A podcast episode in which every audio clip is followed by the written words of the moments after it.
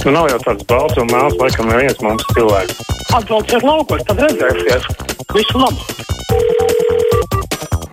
Telefona numurs kā parasti 6722, 888, un 672, 559, nu, un caur mājaslapu arī sūtot mums savu sakāmo. Mikls Rozentāls raksta šādi, kamēr paši ārsti atbalsta un ievēl arotbiedrības. Uh, Karī, kas ir Karī un ārstu biedrības aizsilniece un apini, uh, droši vien kēri. Nekas nemainīsies. Var miljardus grūst nozarē kā tukšā mucā, bet vispirms jāapgūst ir pareizi tie līdzekļi, kas jau ir nozarei. Un es esmu par to, ka ārstiem jābūt lielām algām, un pacientiem nav uz izmeklējumiem jāgaida astoņus mēnešus, bet ar tādiem arotbiedrības un biedrību vadītājiem neviens ministrs neko neatrisinās. Tā mums smiks raksta. Halo! Labdien! Man Labdien. ir komentārs par civilās savienības likumu. Mm -hmm. Tur tiek tā nelabi diskriminētas trīs, četru cilvēku ģimenes. Jo ir teikts, ka divu cilvēku savienība.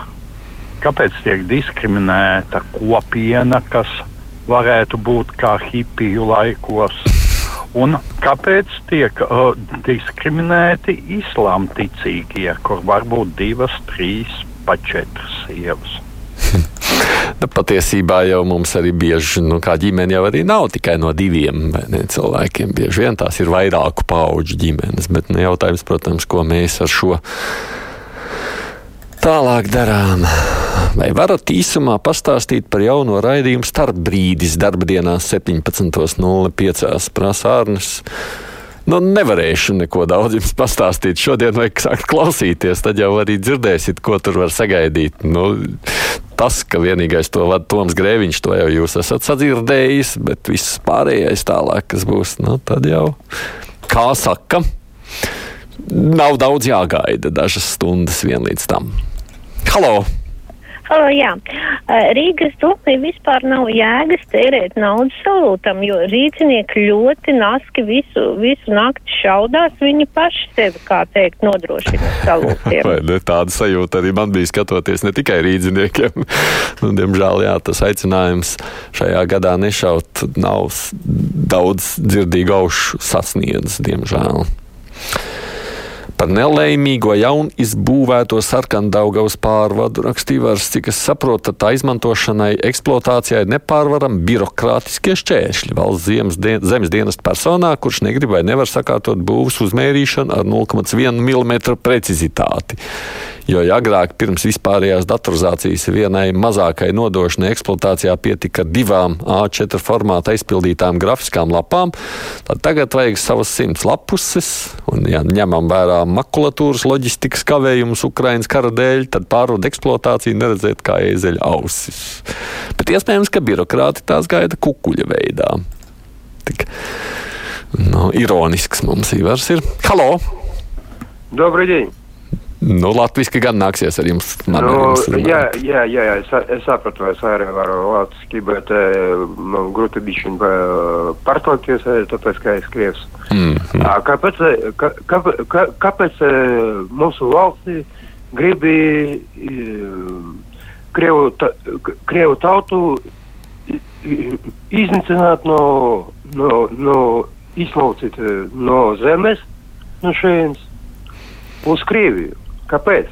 Ja es šeit uh, piedzimusi un šeit uh, strādāju, un šeit man uh, visi, visi mani uh, radinieki, pat uh, uh, vectēvs un uh, uh, vecpāmiņa, visi piedzimusi šeit.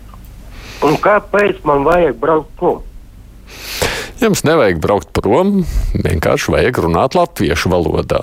Man jau šķiet, ka kaut ko jūs mākat, varbūt jums ir grūti gājis ar apgūšanu, bet mākat, runājiet latviešu ar mums, un neviens jums nekādas problēmas, es domāju, neradīs.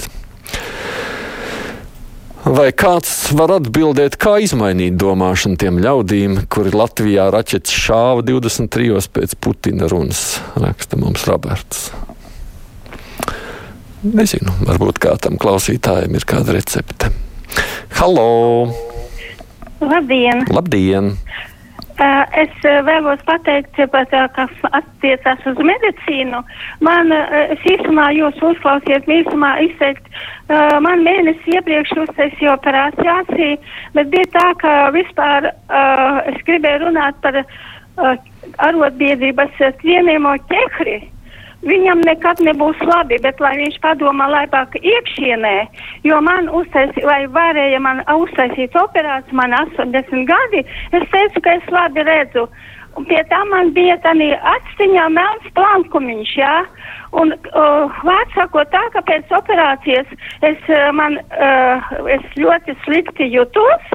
Un es pēc desmit dienām aizgāju tā, pie tās dakteres, kas aizsīja operāciju. Uh, es teicu, ka es ļoti slikti man sāp tā acs un tā, un viņa uzreiz man norāva to uzsēju uz aci, kas man bija.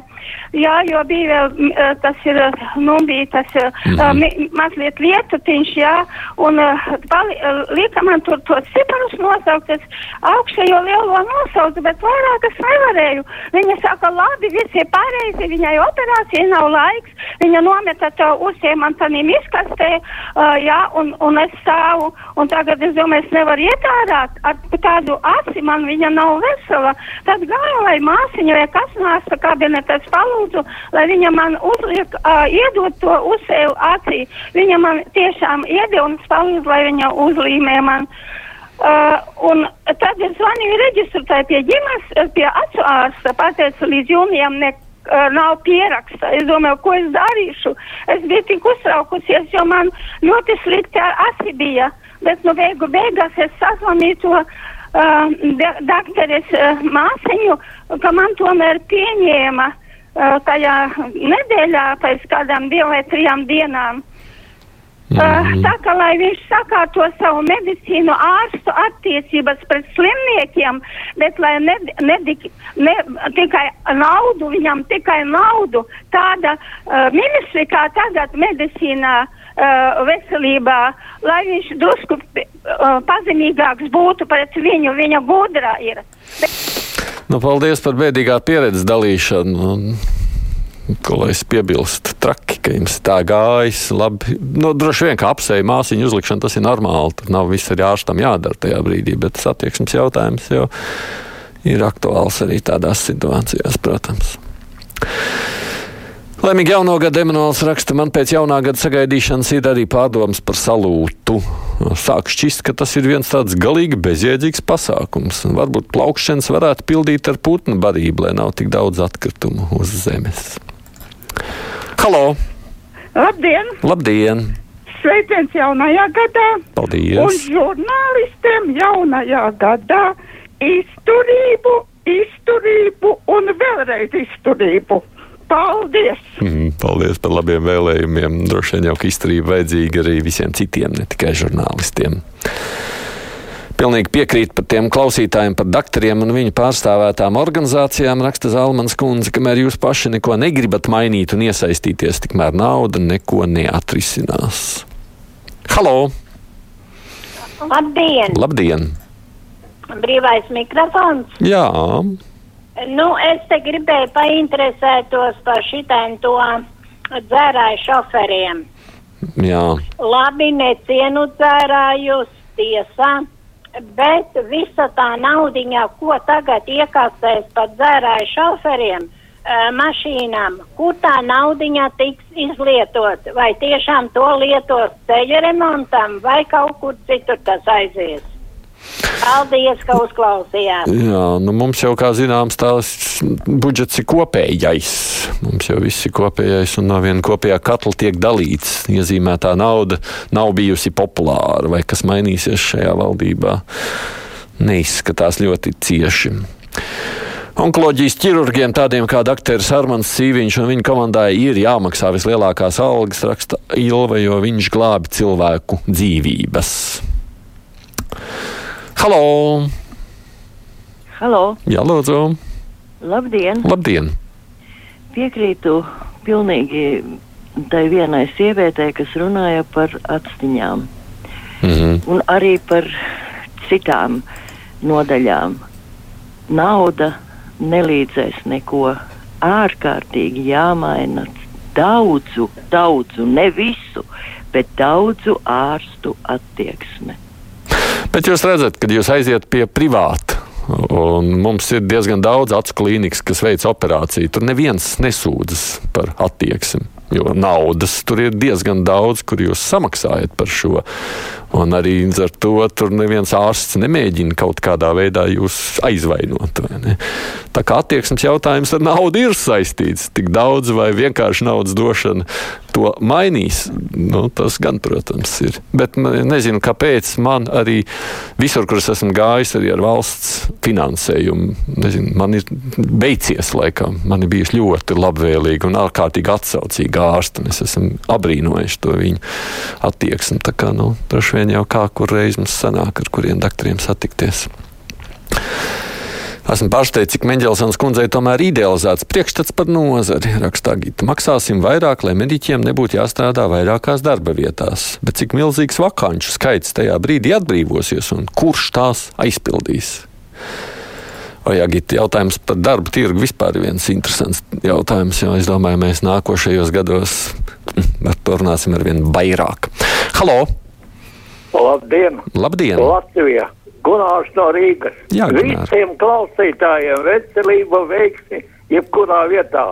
Un le- cerēsim, ka beidzot tās garās runas, ko te, teica mūsu valdība, sāks piepildīties.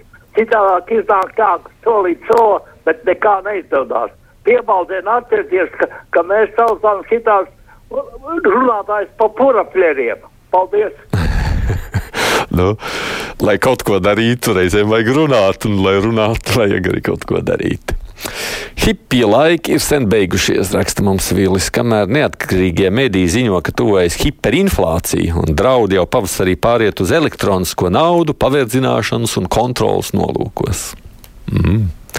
Man gan šķiet, ja mēs runājam par inflāciju, tad šobrīd situācija nu, vismaz uz cenām, man skatoties, tiešām sāk stabilizēties. Cenas tik ļoti vairs nekāpj, cik tās iepriekš kāpa. Nu, Pirktspēja jau arī ir ierobežota. Paceltais nepaspēšu, nu, te dažādi, kā raksta viens dakteris, parakstās kā dakteris. Par naudu arī vēlns danco. Paldies visiem, kas rakstījāt vai zvanījāt. Priekšā mums ir ziņas, tad ar vienu dakteri, jeb lielajā intervijā mēs arī parunāsim.